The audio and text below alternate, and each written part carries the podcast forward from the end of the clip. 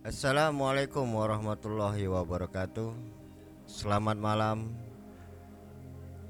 Ciberdaya Talkers atau Ciberdaya Tokel Toker Listener, pemirsa dan semua pemantau para pengompor. Nah, jumpa lagi kita pada program Ciberdaya Talks segmen atau program juga. Ngompor ngobrol menurut porsi.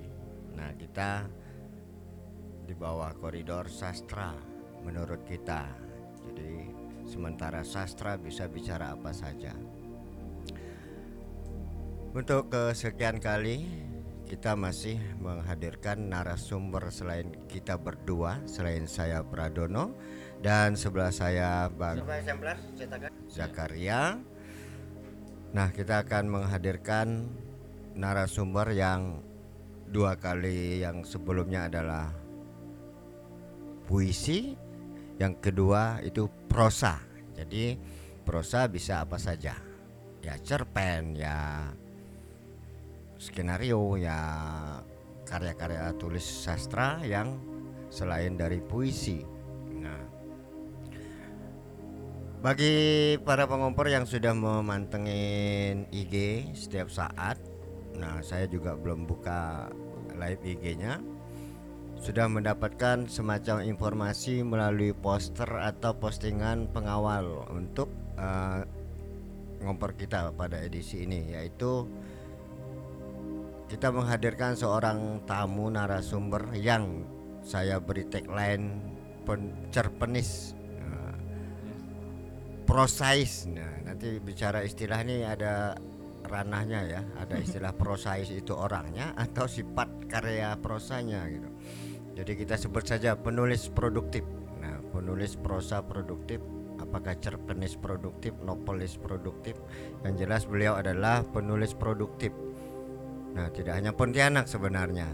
Karena kita bicara kapasitas adalah bicara bagaimana seseorang itu bukan tergantung dari domisilinya di mana tetapi beliau menghasilkan karya karyanya itu yang ke mana-mana sehingga beliau boleh berada di satu titik tetapi sebutan bagi beliau seseorang bisa disebutkan berdasarkan regional provinsi walaupun berada di sebuah kampung RT RW begitu ya.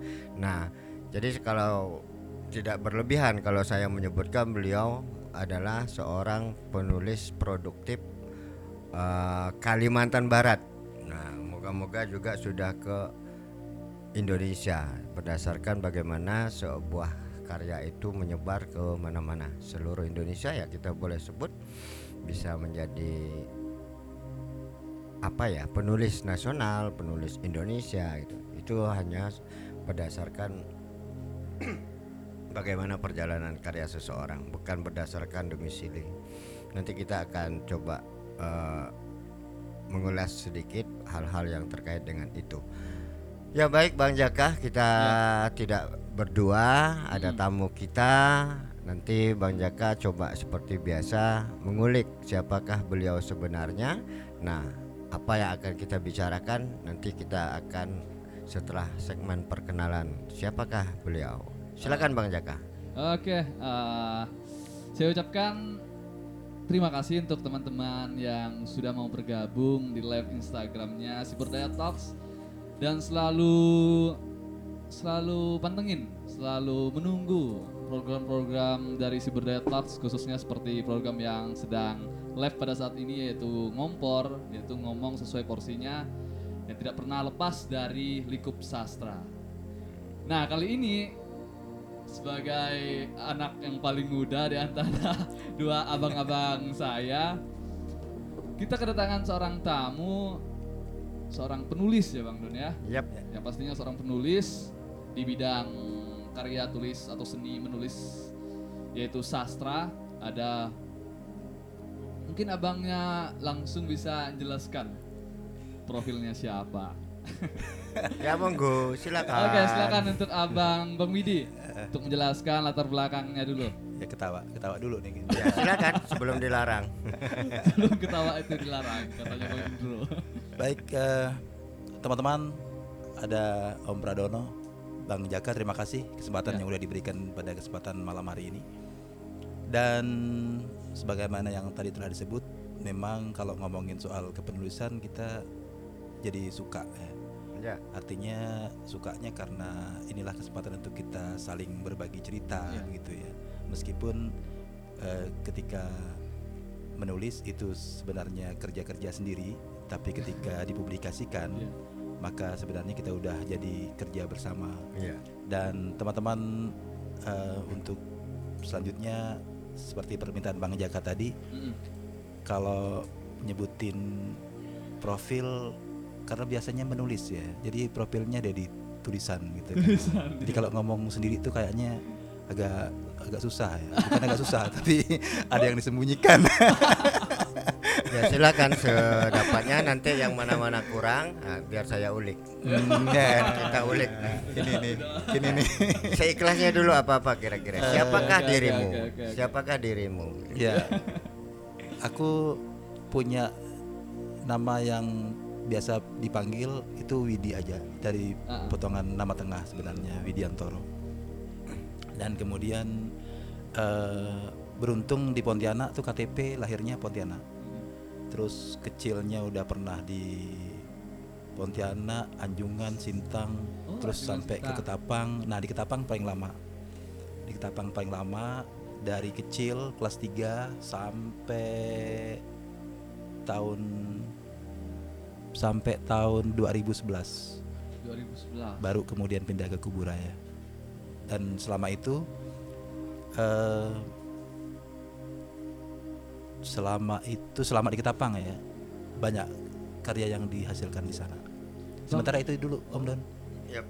Bang Widi pindah-pindahnya eh, karena emang dari kecil atau gimana bang? Pindah dari kecil karena ikut orang tua ya. Saya yang Oh. jawab. Nah, saya duga nih, biasanya kalau seseorang itu suka pindah-pindah, biasanya anak kolong. ya anak serdadu Betul betul Nah, Tapi jadi- apakah karena Bang Widi sering apa pindah-pindah itu pindah-pindahnya sekolah pun berarti dari apa dari SMP atau dari dari SMA Bang Widi? enggak kalau sekolah tuh SD SD itu udah udah mulai pindah-pindah. ya enggak eh, satu kali satu kali pindah. Eh, oh, TK SD kelas 1 kelas 2 itu di Sintang. Ah, kelas, kelas 3 nya udah di Ketapang. Ah. oh, kelas 3 di Ketapang sampai Sanawiyah terus setelah Sanawiyah ke Pontianak. Ah. jadi dulu ada sekolah namanya PGA kalau Bang Iya, Om iya, Don PGA, ini iya, iya, SPG, iya. SPG ah, aku di PGA guru agama, nah guru setelah negeri. itu pulang ke Ketapang lagi karena orang tua di Ketapang kan. Ah, ah. sampai tahun 2011 dari eh, sejak katakanlah tamat lah ya tamat aku pernah juga eh, setelah PGA aku nyambung juga gitu kan. Nah itu tahun 95 96 ke? Dari Pontianak ke Ketapang. Dari PGA ke? Enggak setelah PGA setelah Oh, setelah PGA PGA. itu Nah, setelah nyambung PGA. sekolah? Nyambung sekolah. Ke mana? eh, ke sekolah yang lebih tinggi Ya, ya. karena kaitannya PGA. Kalau kawan-kawan kawan-kawan lain ke YIN atau Istain dulu ya, Hmm. ah, aku ndak ke sana. ke mana tuh? Eh, ke satu kampus lah gitu. Nah, nama nyebutkan nih. Jadi Karena biasa menulis. soalnya kan jurnalisnya terpancing ini. Karena biasa menulis kan. Nah setelah itu baru pulang. Pulang ke Ketapang em, sampai tahun 2000 dari Ketapang itu yang kemudian pindah ndak alamat tapi kerjaan. Dari tahun 95 kemudian 98 itu di Ketapang, dari tahun 98 itu udah ke daerah pedalaman. Pernah di Balai Bekua, pernah di Sandai, pernah di Kecamatan Jelai Hulu, Ah. Nah kemudian 2011 pindah, pindah pekerjaan. Nah pindah pekerjaan itu pun ke Kuburaya itu pindah-pindah lagi gitu. Di Sungai Ambawang pernah, di Kubu pernah gitu ya. Nah sampai sekarang di Kuburaya, di eh, tinggalnya di Sungai Kakap. Ya. Ja- saya jadi itu Jadi Bang, lumayan. jadi jadi curiga gitu. Mm-mm, Ketika iya, Bang. Widi pindah-pindah itu mungkin yang menjadi faktor penulisan Bang Widi mencetak sebuah buku yang banyak sekali gitu di depan kita sekarang gitu. Ya, Iya kan? ah, itu itu bantu, membantu. Nah, itu juga yang mau saya se- sentil gitu kan. Cuma terakhir nih kan biografinya gitu kan. Terakhir sekarang domisili di di Sungai Kakap. Sungai Kakap. Itu eh, profesi terakhir ada ASN atau swasta atau Ya apa? masih masih lah. Masih lah. Di ASN. Ya. ASN. Nah, jadi jadi ASN anggo- anggota sekrup negara ya kan? Karena saya boleh sebut nih di sini karena keluarga besar kita Azura itu Amrin Zuraidi Rawansah juga sekrup negara. Ya. Soal sekrup negara ini sering kita bahas. Jadi ASN sekarang benar pas anggota sekrup negara. Jadi eh, tadi sudah disinggung oleh Jaka. Kita bicara tentang proses kreatif. Ya. Nah, kemudian menaikkan semacam eh, apa ya? eh, semacam bukan batasan sebenarnya. eh, pe- pemantik bahwa yang kita hadirkan adalah penulis produktif. Nah, maka saya tadi pemirsa eh, juga bisa memahami perjalanan seseorang itu lebih kurang biasanya kecenderungannya juga berpengaruh pada karya-karya yang ditulis misalnya. Sehingga apa yang disebut Jaka tadi perpindahan eh, Eling Widiantoro tadi E Widiantoro ini bisa jadi setiap jejak di mana singgah ber- berkarya berproses kreatif dan latar belakang domisili atau latar belakang persinggahannya juga bisa jadi menjadi latar belakang tidak sebagai setting gitu ya. Iya. sebagai setting eh, karya-karya yang dihasilkan. Nah pertanyaan tentang karya. Eh, saya tidak salah duga bahwa beliau adalah seorang penulis produktif. Pemirsa eh, di selain di kapur merah dua tengah ini dari satu dua dan tiga yang melihat ini ada 15 buku. Nah pertanyaan terhadap ini sebuah karya yang produksi eh, produktif ini saya boleh bertanya karya-karya apa saja eh, yang sudah dihasilkan oleh Ewidiantoro untuk eh, yang hadir ini apakah ada puisi, ada cerpen, ada novel dan sebagainya, biografi atau tulisan esai, kumpulan dan sebagainya. Kira-kira tolong eh, diberikan gambaran karya-karya apa saja yang sudah terbukukan. Kita Ya. bicara yang terbukukan mungkin yang belum terbukukan masih banyak tapi yang terbukukan 15 buku ini Om kok tahu ya? apa Pak? Kok tahu yang dibukukan masih banyak? Ya, Belum saya dibukukan. kan saya kan bisa nembus. Senembus ya. Ini aku suka dengan Om Don saya kan bisa nembus. Saya kan penulis puisi, jadi tidak hanya terjebak pada pada permukaan. Saya bisa menelusuri di balik yang muncul gitu kan. Jadi tolong diberikan gambaran kepada para pemirsa untuk pengetahuan. Pasti aku berikan Om. Kira-kira apa-apa saja karya-karya yang sudah eh, terbukukan ini genre-genrenya. Mm. Yang paling sering uh, fokusku ke cerita pendek Cerita sebenarnya, ke cerpen. pendek ya, cerpen ya. Ya. Iya. Tahun 92 itu udah mulai udah mulai suka nulis cerpen. Se- 92. dari sebelumnya memang udah suka nulis ya. Mm-mm. Paling enggak nulis menuliskan perasaan gitu kan. Mm-mm. Menumpahkan rasa hati. gitu. Itu kira-kira umur berapa tuh bang? Umur SMA, udah, udah SMA. Ya. Umur SMA ketika udah mengenal seseorang gitu. Iya.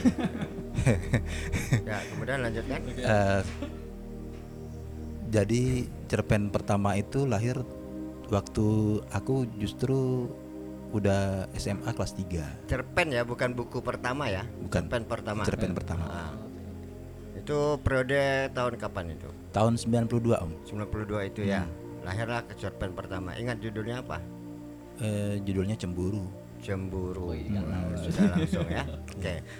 Lanjutkan untuk karya-karya yang sudah ada Nah setelah itu Setelah itu makin sering Karena udah pertama sekali buat Itu biasanya kita merasa itu cerpen tidak bagus Mm, cerpennya tidak bagus akhirnya kita suka baca koran waktu itu koran Aksaya Mm, mm, mm. tiap hari minggu itu kan udah ada cerpen puisi kan. Nah itu kita suka oh kalau kayak gini sih bisa nih gitu. Dan nulis lagi itu kan. Begitu dikirim tidak dimuat. Eh apa tidak dimuat pula nih? Kira udah mantap dah nih gitu kan. Eh ternyata tidak bagus gitu. Nah sampai sejak saat itu kemudian kita makin sering oh udah 10 judul gitu kan. Nah sampai kemudian ada eh yang pernah kita singgung om forum dialog sastra itu kan. Ah. itu di satu sekolah menyelenggarakan nah di situ diomongin soal sastra bedah karya gitu kan. Aku datang terus datang duduk ya diam aja gitu kan. Karena merasa anak SMA kan belum anak kuliahan semester awal gitu kan. Nggak ada yang kenal nggak ada yang lihat gitu. Tapi dari situ kita mulai terinspirasi oh kalau kayak gini kit- aku juga bisa nih gitu. Eh, tulis cerpen ada berapa nanti dibukukan. Nah sejak saat itu udah pengen punya kumpulan cerpen sendiri sampai ada 10 judul itu karena udah merasa kenal dengan penyelenggara kegiatan itu itu jurnalis di harian Aksaya pada waktu itu datengin. Kantornya baru pindah. Kantornya baru pindah Indah. dari Nusa Indah ke Gajah Mada, Gajah Mada. Ma masih kinclong om. Masih bau cat. Eh, sampai nomor HP eh, teleponnya tuh sampai sekarang masih hafal gitu kan karena sering kontak Ya. Ehm, bang tolonglah bang ehm, kasih catatan untuk cerpen aku nak diapakan nih nak terbitkan gitu kan Ya. dan terbitnya cerpen-cerpen itu itu ehm, tahun 2012 ya dari 93 94. Pertama terbit di koran 2012. itu 2012. Nggak, kalau pertama terbit di koran tahun 94 om Oh 94. 18 September 94 Berapa 19? 1994 19 September. 18 18 September. Kalau dicocokkan dengan kalender pas tuh 18 September 94 pasti hari Minggu gitu kan Koran. Ya. judulnya tanya juga lah om Oh, judulnya iya. apa Sekalian Eh, judulnya tak sedang bercinta Eh, ingat kita om tak sedang bercinta. Ya dari 15 buku eh, ada puisi, buku puisi. buku puisi ada dua Ada dua. Mm-mm. buku puisi ada dua Mm-mm. ini judulnya ini bukunya Itu antologi tunggal. Tologi Tunggal ini jejak kata sang pecinta dengan sayur cinta senandung Dua pawang. puisi. Kemudian kalau cerpen ada berapa yang tunggal, ada berapa antologi bersama? Dari 15 berarti sisa 13. Hmm, kalau antologi cerpen tunggal itu yang udah terbit 8 8 tunggal Hmm, cerpen. yang udah terbit. Kalau yang antologi bersama Berarti sisanya 5. ada beberapa lah. 5 itu. 15 dari 15 Hmm. dua puisi, 8 tunggal cerpen, berarti sisanya itu 5 itu cerpen semua antologi bersama cerpen. Eh, sisanya antologi cerpen tunggal Mm-mm.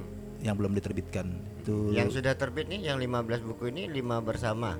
enggak. Enggak. Ini antologi tunggal semua nih om. Oh iya, yang bersama ada berapa? Yang sudah terbukukan. Em, enggak banyak sih om. Iya kah? Enggak sampai 10 Enggak sampai 10. Berarti eh, yang sudah terbukukan berapa antologi cerpen tunggal persisnya tadi?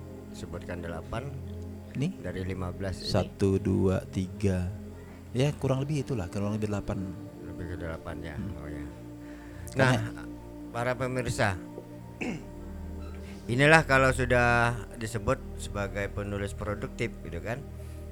Kalau sebutan banyak itu sudah pasti. Nah, berapa angka itu nanti bisa kita ulik.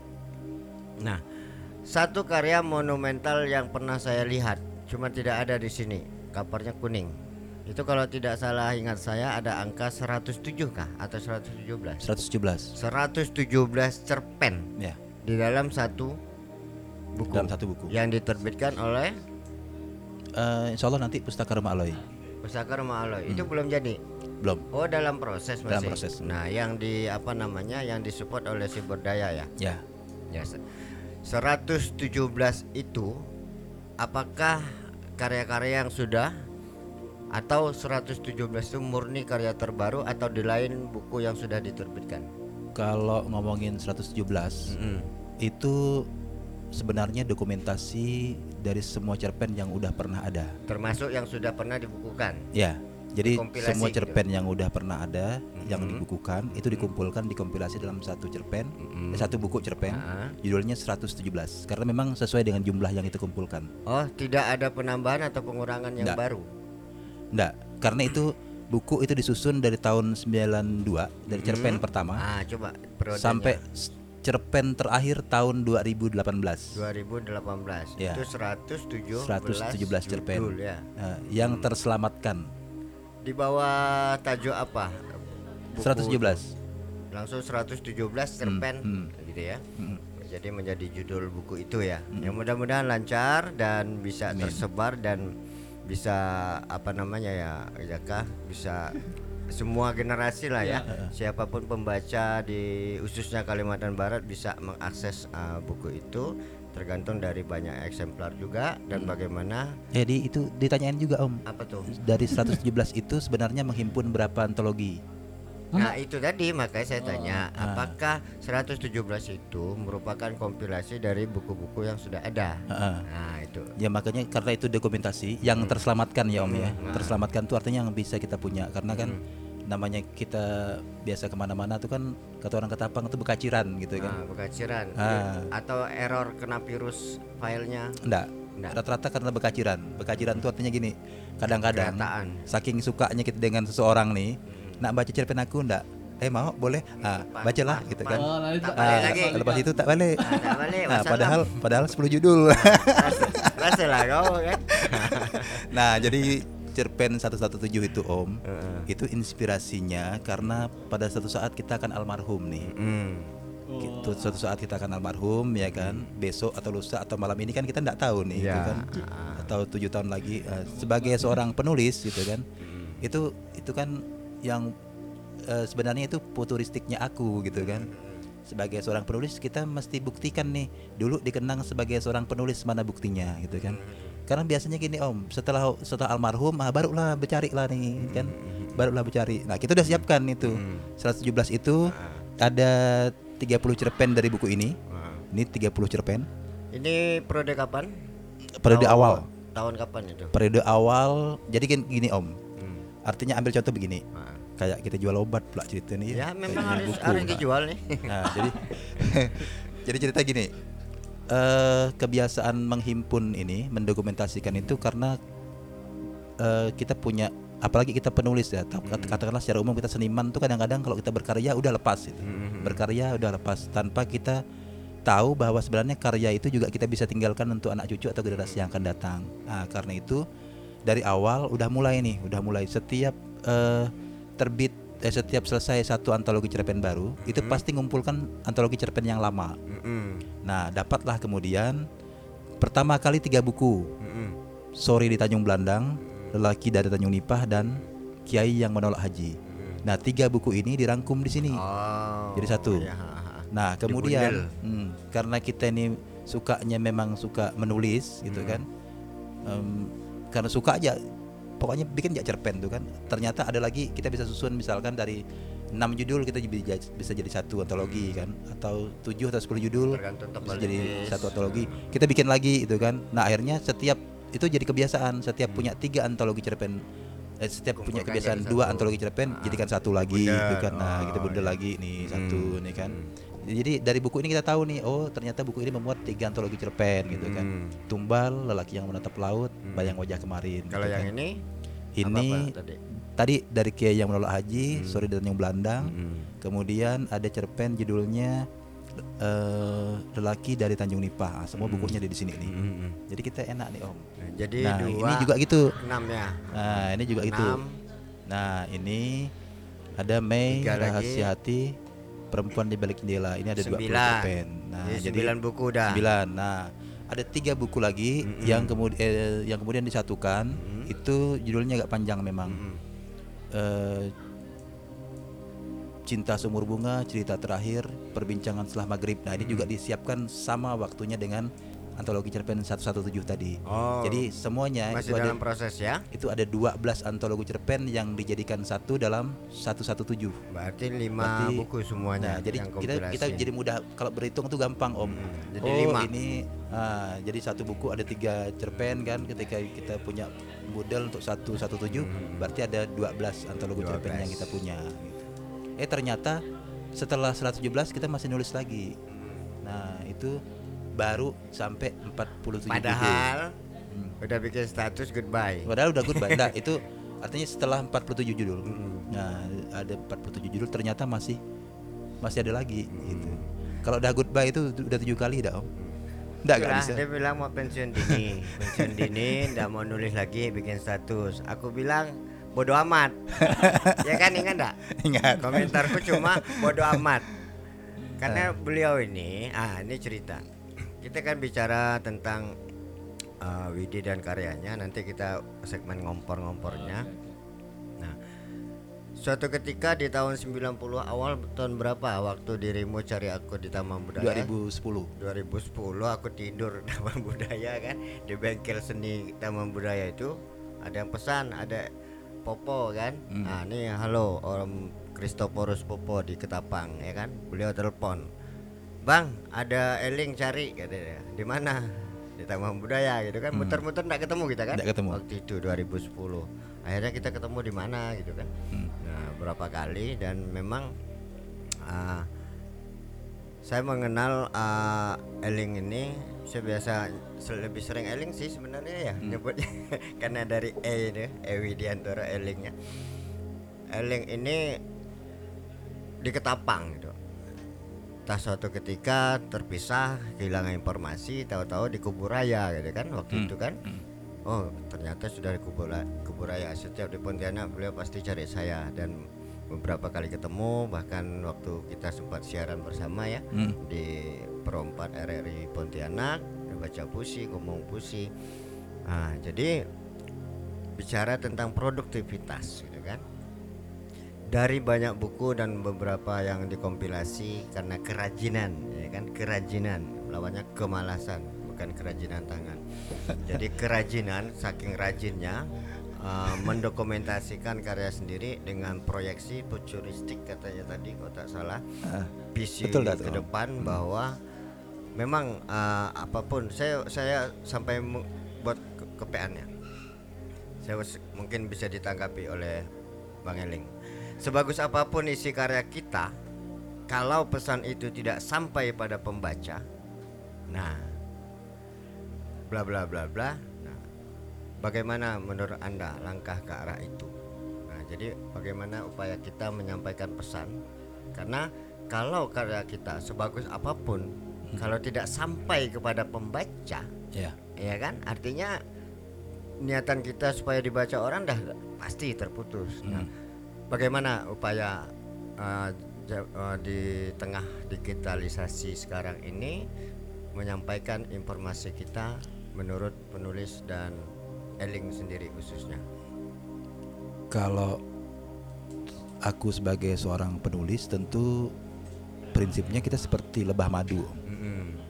lebah madu itu menghisap yang manis, menghisap menghisap yang bagus sari bunga dan kemudian mengeluarkannya juga apa yang dikeluarkan juga bagus gitu kan. Bagus. Nah, filosofi lebah madu itu sebenarnya itu juga untuk kita sebagai penulis. Karena menulis ini kan kerja-kerja otak eh, pemikiran. Jadi pemikiran itu asupannya dari mana? Dari bacaan kita, dari apa yang kita baca, apa yang kita dengar, apa yang kita pikirkan. Kalau yang kita baca itu adalah hal yang baik-baik saja, Mm-mm. ah, percayalah bahwa ketika kita menulis juga kita akan menuliskan hal yang baik-baik juga, yang kemudian itulah yang diterima oleh pembaca sebagai pesan yang mungkin secara tidak langsung akan eh, sebenarnya kita sampaikan. Mm-mm. Mengenai cara, langkah yang sudah ditempuh sampai hari ini sehingga karya-karya kita berapapun sebagus apa pun bisa sampai kepada pembaca dengan relativitas bahwa oh sudah sekian banyak secara kuantitas yang membaca karyaku baik satu judul ke, sub- ke banyak judul. Kira-kira langkah yang sudah dilakukan. Ada pertanyaan yang lebih mudah enggak Om? Biar cepat jawabnya gitu. Ini sudah paling mudah. Karena saya sudah kasih sudah kasih clue di zaman digitalisasi. Iya, artinya gitu gini. eh ini sebenarnya inti inti yang pengen disampaikan Om Don itu bagaimana seorang penulis menjaga karyanya agar tetap berkualitas, sam- tetap sampai menjaga kualitas karya bisa sampai pada pembaca. dan tersiar sebenarnya, Iya. tersiar luas. Nah, kita beruntung hidup di zaman sekarang nih Om. Platform untuk menulis itu banyak. ya. Bisa kita cetak buku, bisa kita eh, terbitkan kirimkan ke koran, Hmm, ada media online, ada e-book, ada e-book, ada platform yang macam-macam itu tidak kita sebutkan pun kawan-kawan. Bang Jaka. grup. Nah, grup-grup. Bang Jaka dengan Bang Bruce itu tahu lah begitu ya. Jadi eh, dan itu sebenarnya tantangan. tantangan kita sebagai penulis. Apalagi penulis jadul seperti Om Don nih. Itu harus dikuasai gitu. Eh, karena anak-anak muda sekarang tuh lebih cenderung bukan karena Om Donnya udah jelang 70 tahun bukan Eh, tapi karena Om Don yang produktif dan tetap mengirimkan karya-karyanya ke platform yang udah ada. Nah itu men- menurut aku menurut aku itu jadi jadi jalan kita juga menjadi upaya kita juga bagaimana kemudian apa yang kita sampaikan itu di, bisa dinikmati oleh pembaca. Ya. Nah, pemirsa eh, banyak media dalam istilah kita diseminasi informasi, ya penyebar luasan informasi yang mungkin kontennya adalah karya sastra, apa pun, baik puisi, cerpen, novel dan sebagainya itu sampai kepada pembaca. Karena saya berpikir bahwa sebagus apa pun karya menurut kita, Ya. kalau kita tidak gerakkan dan tidak akan sampai, nah minimal sekadar sampai gitu minimal sekadar sampai sehingga karena tadi menulis adalah kerja otak gitu kan Hmm. kerja otak pemikiran-pemikiran. Nah barangkali ada pemikiran kita yang mungkin kita berharap bisa diserap diterima orang lain dan itu sebagai sebuah kebaikan. Nah bagi kita juga sebuah kebahagiaan. Kebaikan kita sebarkan menjadi kebaikan dan menjadi kebahagiaan bersama baik bagi kita maupun bagi yang menerima. Dan Ya. itu sebenarnya Hmm. misi utama saya kira ya untuk uh, setiap penulis bahwa apa gunanya kalau kita nulis kalau tidak kita sebarkan gitu kan Hmm. nah terutama lagi menyebarkan virus kebaikan nah barangkali itu uh, untuk uh, hal-hal yang terkait dengan bagaimana uh, karya bisa sampai pada pembaca kira-kira dari Jaka atau dari komentar uh, netizen kita pemirsa kita Aduh. ada yang masuk Tadi sih udah mulai-mulai numpuk ya penonton. ah iya Lalu mungkin pindah channel kali. ya. iya kan ada berapa masih di sisa ada tiga orang sih. Ini ada ada teman pertanyaan yang baru. tertinggal Masih belum ada, Bang Don. Belum Nah, buat ada. teman-teman yang stay nonton bolehlah kasih masukan atau mungkin bertanya Hmm, nah, komentar pada Bang gitu Widi kan. atau kita-kita di sini. ya semuanya Jadi eh, mungkin tadi udah diulik-ulik lah sama Bang Don. Dari saya sih gini ya Bang Widi, kebetulan eh, penelitian skripsi saya itu nganalisis sebuah cerpen gitu. Hmm. Nganalisis sebuah cerpen. Itu cerpennya Seno Gumira Aji Dharma. ya Sepotong senja untuk pacarku itu juga antropologi sebuah cerpen. Hmm. Mau nanya gini nih Bang Widi. Eh, karena Bang Widi nulisnya udah semenjak tahun pertama kali nerbit itu tahun 992 tadi ya. 92 udah mulai nulis Untuk penjualannya ini penjualan buku-buku dari karya-karya Bang Widi yang banyak ini Hmm. penjualannya itu di di daerah-daerah mana aja ya Bang Widi? Pertama Hmm. kali gitu. yang Apakah pasti masuk ke ke apa kayak media buku atau Gramedia gitu Hmm. atau freelance per tangannya gitu Bang Widi? yang pasti karena kita penerbit indie ya jadi semuanya kita kerjakan sendiri kan termasuk soal penjualan kan artinya di apalagi di zaman sekarang sebagai seorang penulis yang sendiri gitu kan. Sendiri dalam arti menulis berkarya sendiri gitu kan. Menerbitkan buku sendiri kita juga harus jadi marketing yang bagus juga untuk karya kita. Dan, di situlah kita tahu seberapa jauh kawan-kawan mengapresiasi karya kita Iya, gitu betul, kan. Betul betul. jadi nah kadang-kadang jadi olo-oloan kan dengan kawan kan. Jadi olo-oloan dengan kawan tuh artinya gini eh ini eh, berapa nih gitu Eh, Gratis. nah, gitu kan Eh, gini Bang Widi, apa ya? Eh, saya tuh sebagai yang paling muda sini lah, karena beberapa teman-teman saya itu ada yang memang cetak buku, udah mulai-mulai cetak buku. Ketakutannya buku mereka itu kadang kadang ketakutannya nggak laku gitu Bang Widi. Hmm. Karena saya melihat Bang Widi itu udah cetak bukunya udah lumayan banyak ini, ini sangat banyak sih. Hmm. Bang Widi yang buat Bang Widi terus apa terus kekeh dalam menulis ini apa sih Bang Widi untuk modalnya dari mana gitu? eh ini yang sebenarnya jadi jadi kata kunci yang diminta oleh Om Don ya. Ketika menulis dan dianggap produktif itu jadi tanda tanya seperti tadi kan, jadi Iya. pertanyaan seperti tadi. Satu hal itu karena kita bersyukur. Bersyukur dalam arti kita itu udah dikasih akal yang sehat. Fisik bagus gitu kan. Kita bisa menulis kita tahu pakai bahasa Indonesia itu kan. Kenapa itu tidak kemudian kita eh, implement implementasikan begitu? Jadi kalau bersyukur itu kan tidak mesti hanya ngucapin alhamdulillah aja. Iya. Ah, tapi bagaimana kemudian mendaya gunakan, memanfaatkan semua yang ada dari kita sebagai potensi itu untuk em, digerakkan, didaya gunakan sesuai dengan keinginan Tuhan gitu. Tuhan maunya apa? Kata Om Dan tadi menyebar kebaikan, menebar kebaikan. Ya udah kita lakukan untuk itu. Jadi kalau pengen punya karya yang banyak itu jangan menulis karena mood bukan menulis bukan karena suasana hati menulis karena ada yang pengen kita sampaikan dan yang kita sampaikan itu apa tentu kata Om Don tadi kan paling tidak ada kebaikan yang kita pengen sampaikan gitu. dan kebaikan itu inspirasinya bisa dari mana saja bisa datang dari mana saja ambil contoh terakhir ya terakhir terakhir aku sempet pengen nikmatin sebenarnya pengen udah lama ndak ndak ngoplet jadi pengen ngoplet dari Kuala Dua ke parkir motor ke Masjid Awaludin di Sungai Durian. Terus dari Sungai Durian itu jalan kaki, motornya diparkir di masjid. Terus jalan kaki, jalan kaki pengen ngoplet karena oplet itu yang masih jalan Sungai Durian, Iya, iya. Sungai Raya kan. Nah ternyata di tengah jalan antara Sungai Durian eh, masjid ke Polsek itu udah ada tukang ojek, udah ada tukang ojek yang yang menghadang lah, udah ngirim isyarat kan. Pak Pak ke mana Pak? Gitu. Nah ini khasnya pencerita, penulis cerita ya. Kalau udah bercerita kayak gini nih. Iya, iya, iya. Eh, eh Pak Pak ke mana Pak? Eh ke sana. Iya ke sananya mana Pak? Gitu. Eh ke oplet. Pengen ngejar oplet. Pak Pak oplet nggak jalan jam sekarang. Eh, udah susah. Udah baik dengan aja saya aja. Saya, saya antar Bapak sampai ke mana? Oh jauh. Pak saya ke rumah sakit Ah, Oh Sudarso kah? Iya jadi. Ya udah udah dengan saya saja.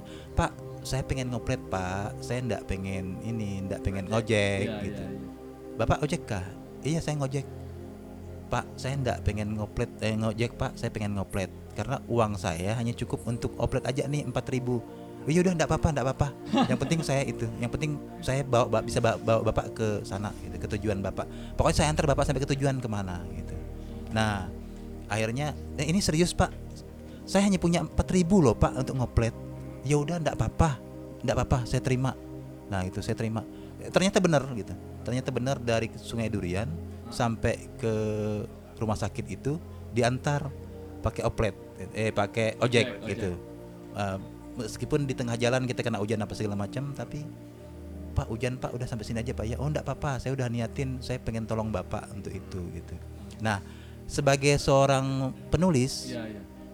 em, eh, sebagai kalau memang bukan penulis mungkin itu hal yang biasa saja. Mm-mm. tapi ketika kita sebagai seorang penulis kita pengen bilang eh, ternyata ada loh tukang ojek yang butuh duit sebenarnya tapi eh, yang harusnya itu 15 atau 20 ribu udah dikasih 4 ribu aja udah ndak apa-apa karena Iya, iya. pengen niatnya pengen nolong gitu pengen bantu padahal ndak perlu ndak butuh-butuh dibantu juga gitu kan Ah, jadi sebenarnya. Ah, karena itulah yang yang disampaikan bahwa sumber kebaikan itu bisa dari mana saja dan kita bisa bilang dengan eh, pembaca atau eh, yang bisa me- menikmati tulisan kita bahwa itu bisa jadi flash fiction ya, bisa jadi tulisan pendek yang hanya 200 atau 300 kata.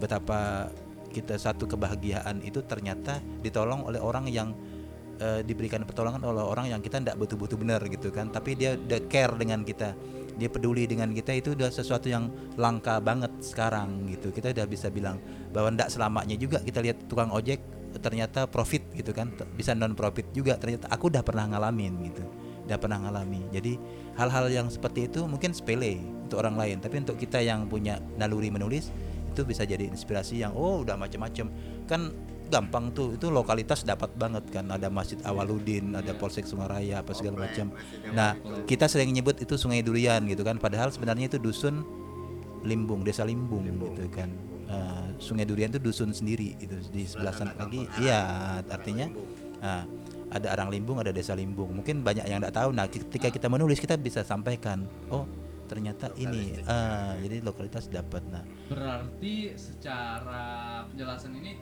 saya langsung mikirkan Bang Widi itu emang ide-ide penulisan cerpennya berangkat dari kondisi-kondisi sosial. Ya. Dari Hmm. realita realita hidup gitu ya. bisa dari mana saja. Ah, pertama memang memang cerpennya cerpen yang romantis ya. Nah, ketika Om Don suka dengan Nita Nita ndak suka dengan Om Don tapi sukanya sama aku gitu kan. Oh, Eh, kenapa begitu teganya engkau padaku misalkan ya. Kayak gitu gitulah kan. Tapi Ah. kemudian eh, mata kita hati kita kan punya nurani kita punya nurani sendiri. Kita bisa lihat lingkungan kita seperti apa gitu kan. Dan itu bisa dibuktikan nanti.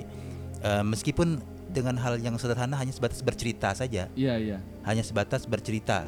Betul hanya nyampaikan cerita. Kita tidak peduli dengan alur tidak peduli dengan penokohan yang kuat seperti apa Oh, enggak ah, tapi dan itu seiring dengan seiring dengan upaya kita untuk menjadi lebih baik meningkatkan kualitas karya kita dengan membaca dengan dialog. Sampai sekarang pun aku kalau udah punya naskah baru cerpen baru sering di share dulu dengan kawan-kawan Oh, beberapa sebelum, kawan. sebelum diterbitkan atau? Nah, sebelum dirilis lah gitu ya. Ah, nah s- kemudian kita diomel di di Kritisi. dikritisi ya, eh, apa eh, masa akan ada perempuan yang kayak gitu atau ada laki-laki yang kayak gitu masa akan ada gubernur yang kayak begitu misalkan kan. Nah akhirnya ah, yang harusnya gimana? Ya harusnya bilanglah harus begini harus begitu karena itu tanggapan ya kita coba kita lihat lagi jadi tidak cukup lagi, ya. ah, ndak cukup hanya sebatas setelah selesai nulis udah gitu karena Om Dan udah sering ngomong kita kalau kita selesai nulis kita mesti jadi pembaca yang baik untuk diri kita sendiri Nah, untuk menjadi pembaca yang baik itu barulah kita tahu oh apa artinya setiap pekerjaan selesai kelihatan kekurangannya gitu. Selesaikan dulu. Uh, tumpahkan dulu semua ide baru baru kita itu. Jangan baru setengah udah males, udah lemes gitu kan. Ini enggak akan selesai gitu, enggak akan pernah jadi sebuah cerita atau sebuah tulisan gitu. Oh, Oke oke oke. Ya, eh, s- bagaimana tadi disampaikan bahwa inspirasi bisa datang dari mana saja, kapan saja, entah dalam situasi apa pun gitu kan. Hmm. Dan terutama adalah inspirasi kebaikan diolah menjadi sebuah karya dan kita sebarkan kebaikan itu. gitu. Tadi cerita Oplet sudah terekam tidak dalam sebuah cerpen Ya, yang mana? plus fiction. Hanya kan gini Om. eh ini ini jadi ini proses kreativitas, eh, proses proses kreatif namanya. ya. Aku udah mengakui dengan beberapa teman kalau memang menulis cerpen itu udah mulai menjenuhkan. Sampai akhirnya saking jenuhnya itu bikin flash fiction. Hanya 200 300 kata selesai gitu. Karena udah udah merasa jenuh dalam arti kok cerpen lagi gitu udah terlalu nyaman dengan penulisan cerpen eh, kayaknya mesti Challenge, Em, tantangan.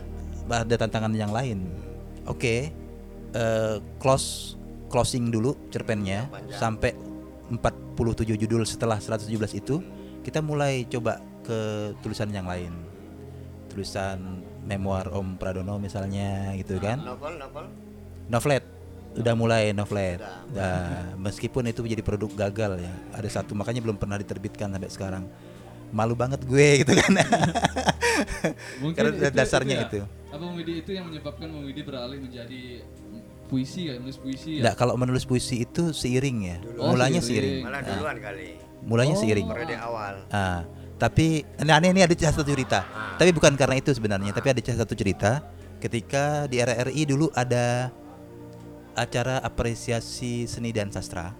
Nah, itu yang gawangin Nano Basuki. Nah, udah pernah punya dua antologi cerpen, antologi puisi nih. Eh, terus pengen bikin puisi lagi, gitu kan? Pengen bikin pengen bikin buku puisi lagi. Terus Nano bilang, "Eh, ndak apa-apa ya kita buka di sini ya. Ini guyonan aja lah sebenarnya, jok aja lah sebenarnya ya." Terus dia bilang, "Bang, eh, sampean itu kalau bisa jangan nulis puisi lah gitu. Biarlah puisi itu couplingnya kami kami ini. Aku terus beberapa teman yang disebut gitu kan. Nah, Om Widi nulis eh, cerpen aja. Kalau nulis cerpen aku mengakui Om gitu kan. Aku mengakui Bang. Cerpenmu itu bla bla bla gitu kan. Jadi apa dirimu pengen bilang kalau cerpen aku jelek? Dia ketawa gitu kan. Itu bukan aku yang bilang loh ya gitu kan. Dan sejak saat itu aku memang jarang nulis puisi. Jarang nulis puisi dan suka nulis cerpen gitu. Memang memang asik nulis cerpen. Tapi nulis puisi tetaplah beberapa ka- kalimat sampai kemudian nanti beriringan dengan 117 itu aku kompilasi juga puisi-puisi yang udah aku pernah ada. Karena aku anggap sejelek apa pun puisi itu itu olah hasil olah pikir olah rasa aku juga gitu kan itu karya intelektual kita juga gitu kan dan mesti disimpan dan itu aku ngemu- mengumpulkannya 200 judul dalam satu buku dari ya dari tahun 92 juga sampai tahun berapa 2018 itu berapa gitu. Nah setelah itu ya udahlah gitu kan. Nah karena ndak kuat ndak merasa kuat berpuisi jadi puisinya lebih sering belakangan gitu. Biarpun ada beberapa kawan beberapa kali mengajak untuk antologi termasuk satu buku dengan Om Don nih bayang-bayang tembawang itu nah, kita ada di situ gitu. artinya eh, itu ya yang namanya proses kreativitas kan tinggal kita merasa passion kita sebenarnya di mana gitu Nah, itu kata kunci tadi passion. Jadi soal produktivitas itu kita mungkin eh, bicara tentang ranah kuantitas gitu ya. Sedikit atau banyak. Maka produktif itu karena sering berproduksi gitu kan, sering eh, menghasilkan karya baik gak masih lepas-lepas atau sudah terbukukan atau manuskrip istilahnya kan masih manual Ah, apakah itu puisi maupun uh, cerita pendek, novel dan karya prosa yang lain. Tadi ada dua bicara tentang passion bahwa bah kerja menulis apa saja baik ilmiah maupun fiksi, saya pikir itu ranah uh, yang sangat uh, individualistik. ya Karena apa? Karena tidak semua orang bisa menulis dan mampu menjadi penulis. Hmm. Itu pertama. Karena dalam apa namanya pemahaman eh, bahasa yang saya terima ada empat keterampilan manusia dalam berbahasa. Yang Ya. pertama sejalan dengan eh, sejak manusia lahir sampai hingga dewasa dan pengetahuan bahasanya berjalan sesuai perkembangan usia manusia itu. Misalnya ketika kita bayi kemampuan bahasa apa yang yang dikuasai pertama adalah berbicara gitu kan kemudian masa perkembangan sampai masa sekolah kita membaca ya kan? Nah kemudian berbicara mendengar. Nah dari ber- berbicara mendengar. Mendengar tidak sekadar sekadar mendengar tetapi yang disebut dengan mendengarkan atau menyimak. Jadi mendengar pemahaman. Kemudian setelah itu masa usia sekolah kita mulai membaca ya. Ya. Membaca kemudian menulis. Nah, yang disebut terakhir inilah keterampilan berbahasa yang tersulit. Karena tidak semua orang yang bisa berbicara, bisa mendengar, bisa membaca menjadi penulis. Kan itu. Nah, itu keterampilan berbahasa. Sehingga apa yang disebut oleh Eling tadi sebagai passion saya saja ya kan tidak seproduktif bahkan tidak produktif dalam konteks prosa misalnya ada eh, cerpen saya bisa dijadikan satu kumpulan cuma masalahnya dulu zaman ketik manual ketik portable arsip yang sudah di koran ya tidak ada lagi sekarang ya kan? karena dibawa oleh almarhum ya kan? Ada Bang Odi ya kan? Meminta untuk saya angkatan tahun 2000 yang digagas oleh Kori Layun Rampan. Sehingga kar- arsip-arsip tulis saya yang berupa klipingan koran itu saya serahkan beliau. Akhirnya beliau meninggal dan tidak saya kembali eh, saya terima lagi sehingga saya sulit untuk membuat sebuah antologi dan harus mencari sumber korannya ya kan? Oh iya. nah iya. itu Nah itu. Nah tadi disebutkan bahwa kita bertemu pernah di forum penulis ya, penulis cerpen dan puisi itu saya yang mengelolanya bersama Bang Nis Alantas hmm, Bang Anies Alantas. di Pontianak Pos, uh, Ardiak saya dan almarhum Odi Odi S. Nah di situ kita berkutat membahas kemudian hasil bahasan kita ekspos di koran. Apa di- dialog-dialog diskusi tentang sebuah karya termasuk karya Gunta Wirawan Bulan Kedau yang setelah kita diskusikan secara offline baru kita share kan kita kupas di dalam sebuah koran yaitu saya zaman dulu. Nah itulah dinamika yang terjadi pada masa itu. Masa koran-koran mainstream gitu kan, Ya. koran-koran cetak itu masih uh, mendominasi konsumsi kita untuk mencari sumber bacaan. Nah, kembali tadi bahwa saya ingin menanyakan uh, pandangan karena kita ngompor nih uh, ngomong menurut porsi ya disclaimernya bahwa hanya menurut kita Ya. kalau ada yang menurut yang lain silakan Hmm. karya kita khusus di Kalimantan Barat ya Ya. Eleng yang kenal semua penulis baik puisi, uh, cerpen dan ter- prosa lah kita sebut dengan segala macam uh, subgenre dari prosa itu sampai ke novel dan sebagainya. Bagaimana menurut uh, Eleng sendiri pandangan? Apakah ini bisa di- disebut uh, sebagai puisi yang sastra, kemudian prosa yang sastra? Karena kita juga mengenal ada sebutan sastra populer Hmm. ya kan? Sastra populer bukan berarti rendah atau tinggi tetapi karya sastra. Apakah ada karya yang non sastra nah gitu. Sementara kita selama ini kan hanya mengenal penulis penulis cerpen penulis puisi penulis novel nah coba eh, menurut pandangan dari Eling sendiri mana kira-kira secara sekilas saja karya puisi yang eh, ataupun prosa yang boleh disebut eh, dikatakan sebagai karya sastra Aku mesti diam dulu nih Om, dengarkan pengen jawab nih kan.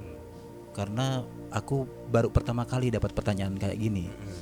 Dulu dulu belum pernah, jadi aku tidak punya contekan. Iya, karena ini eh, Jadi- hanya ada di ngompor. gitu. Hanya di kompor. Kalau yang begitu kita tidak panas kan? Om, eh, bicara soal sastra, aku menulis mulanya itu tidak berdasarkan teori sastra. Ya. Aku justru dari membaca karya sastra karena di sekolah itu dulu aku bukan karena calon guru agama kan. Jadi ndak banyak belajar bahasa Indonesia. Eh, ndak ru- ndak rutin kayak yang biasa tiga tahun full gitu ndak karena banyak pelajaran lain yang harus dipelajari kan mata pelajaran atau bidang studi lain yang harus dipelajari dan bahasa In- Indonesia itu yang mengesankan aku satu ketika kita dapat tugas untuk ngeresensi sebuah buku waktu itu aku kebagian ngeresensi buku harimau harimau Harimau harimau talubis. Ya. Kemudian cerpen eh, kemudian aku juga dapat tugas membaca karya Anafis. Rombongan Ah, surah kami. Robohnya Surah kami. Kawan-kawan lain itu ada karya eh, Buya Hamka. Tenggelamnya kapal. Tenggelam tenggelamnya kapal Van der Wijk dengan di bawah lindungan Ka'bah. Nah, ya beberapa yang lain karena kita berkelompok kan. Karena aku suka membaca jadi apa yang mereka baca aku baca juga gitu. Nah, dari situ sebenarnya sebenarnya ketertarikan awal itu pada sebuah karya sastra. Sampai kemudian kita menulis dan untuk menulis kita memperbandingkan membandingkan karya kita dengan karya orang lain sampai kemudian kita merasa ngapa pula cerpen aku macam ini nih? Gitu kan. Ngapa cerpen dia nyaman pula bacanya? Ya kan. Nah itu om. Jadi Ah, tadi membandingkan karyaku dengan karya orang lain, nilai apa yang menjadi ukuran? ya itu tadi. Eh yang pertama yang pertama cerpen itu bergizi bagus Bagus. nah yang kedua style jadi style kayak bertutur masing-masing kita pelajari Iya. Nah, dan yang ketiga, yang ketiga yang kita dapat dari bacaan itu, s- bagaimana kemudian eh, teknik, teknik membuka dan menutup. Nah, itu yang kita pelajari. Dari situlah kemudian tahu, oh ini ternyata eh, kaitannya dengan yang ditanyakan dengan Om Don tadi. Oh ternyata sebuah karya yang disebut sebagai karya sastra itu sebenarnya karya yang punya kriteria ada kriteria Karakter tertentu, itu. ada karakter ter- eh, kriteria sebenarnya, Iya. ada syarat sebenarnya. Sebuah karya itu disebut sebagai sebuah kar- sastra, ya, karya sastra. Nah ini sebenarnya ranah teoritis ya, ranah teoritis. Tapi karena dikomporin, akhirnya kan kita mesti punya jawaban juga kan. Iya.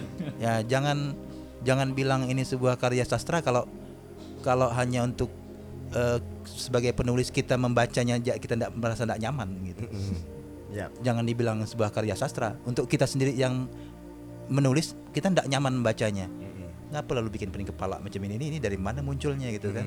Ini ada si A nih ada ada Bruce Lee ini dari mana muncul Bruce Lee? Tahu-tahu begini gitu. Kalau kita merasa tidak nyaman udahlah udah baca lagi cari lagi perbandingan karya yang lain gitu. Ketika kita membaca karya, oh ternyata salah aku di sini nih seharusnya aku punya konsep tunggal, ndak bercabang-cabang plotnya atau Hmm. apa itu. Harusnya tokohnya ini nih, ndak usah banyak-banyak tokohnya, cukup dua atau tiga tokoh aja. Udah mulai kita itu sendiri gitu. Oh. Kalau jawaban aku sementara gitu tuh Om. Sambil nanti baca-baca lagi terus nanya lagi juga ndak apa-apa Om. Setelah aku baca-baca gitu. ya, eh, baik para pemirsa, barangkali sebelumnya ada apa namanya ya eh, Pertanyaan. aspirasi dari Zaka atau eh, informasi Belum ada pertanyaan nih dari penonton-penonton kita. Dari Udah mulai Jakanya surut ke mana? lagi. Dari Jakanya? Oke, eh, kalau dari saya sendiri sih Eh, ntar, ntar, ntar aku potong, aku potong. Ntar, aku potong. Eh, tadi Om Don ini kehilangan cerpen yang udah pern- pernah dimuat di koran ya. Clipping korannya hilang gitu. Nah, aku pengen kasih tahu dengan kawan-kawan untuk itu aku udah mengantisipasi sejak awal karena kita futuristik kan. iya iya. Jadi kawan-kawan yang ndak eh, kebagian ndak sempat baca cerpenku yang dimuat di koran meskipun koran lokal kayak Pontianak Pos misalnya, aku bukukan tuh judulnya nih kesaksian palsu di bawah warung tenda. Jadi ada buku kecil ini, itu ada 6 6 cerpen yang udah pernah dimuat 2011 2015 dan kemudian ada satu cerpen yang dikirim tapi tidak dimuat. Nah, kenapa kemudian dijadikan satu? Hanya untuk ngingatin ke pembaca kalau naskah kita itu dikirim ke media tidak dimuat, eh jangan jangan baper gitu. Oh biasa itu, biasa. Karena eh, cerpen yang dimuat di koran itu hanya satu saja di antara upaya kita untuk pengen karya kita dibaca banyak orang gitu kan. Kalau kemudian tidak dimuat ya udah tidak apa-apa, kita bisa muat di buku dan buku itu juga bisa dijual dan dibaca orang juga itu kan. Akhirnya itu kita dokumentasikan ini versi korannya, ini versi bukunya gitu. Dan itu jadi tradisi tuh Om. Jadi setiap terbit tujuh cerpen di Pontianak Pos Di clipping. Ndak ndak di, ndak sekedar di- kalau aku ndak di clipping Om, tapi digantung di dinding, di Oh, dinding rumah. dinding. Hmm, ndak di clipping lagi. Masukkan menjadi buku. Dan itu di, kita bukukan. Jadi ada versi bukunya gitu. Hmm, dan kemudian tadi karena Bang Jaka ini penelitiannya soal cerpen, cerpennya Seno Gumira Aji Dharma, pernah ada satu kelas kepenulisan Hmm. itu ngajak aku jadi narasumbernya waktu itu ya. Eh, peserta itu wajib baca dua cerpen. Yang pertama cerpen Seno Gumira Aji Dharma yang judulnya Sepotong Senja untuk Pacarku itu, dan yang kedua ini yang bikin aku bahagia itu cerpen aku gitu. Oh, iya. Judulnya dijadikan. Kesaksian Palsu. Jadi Oke. eh, sempat mikir juga bagaimana bisa seorang Ewi Diantoro naskahnya disandingkan dengan naskah Seno Gumira Aji Dharma dalam satu event menulis itu Ya, kan. Ya, itu itu luar biasa. Ya. Dan itu Demikian. Hmm. Berarti secara ini sih secara tidak langsung bahwa karya dari Bang Wingi ini udah memiliki karakter. Nah, berarti. itu yang pertanyaan menjawab pertanyaan saya. Apakah karya kita termasuk memenuhi kriteria sastra atau tidak? Kan itu masalahnya. Sehingga yang bisa menilai adalah kerja orang-orang teoritis kan? Ya. Nah, bisa menilai. Nah, demikian tadi Bang Eling, Bang eh, Widiantoro dan Bang Jaka. Ya. Waktu juga yang membatasi kita. Nah, tidak terasa satu jaman ini ya 60 menitan. Nah sehingga mau tidak mau kita harus berpisah untuk bertemu pada episode yang lalu. Ba- bahwa eh, menulis adalah sebuah pekerjaan yang sangat individualistik. Tidak semua orang punya kemampuan menjadi penulis. Ya. barangkali itu uh, closing sementara bagi saya. Nah sehingga bagi yang ingin belajar dengan penulis produktif lah.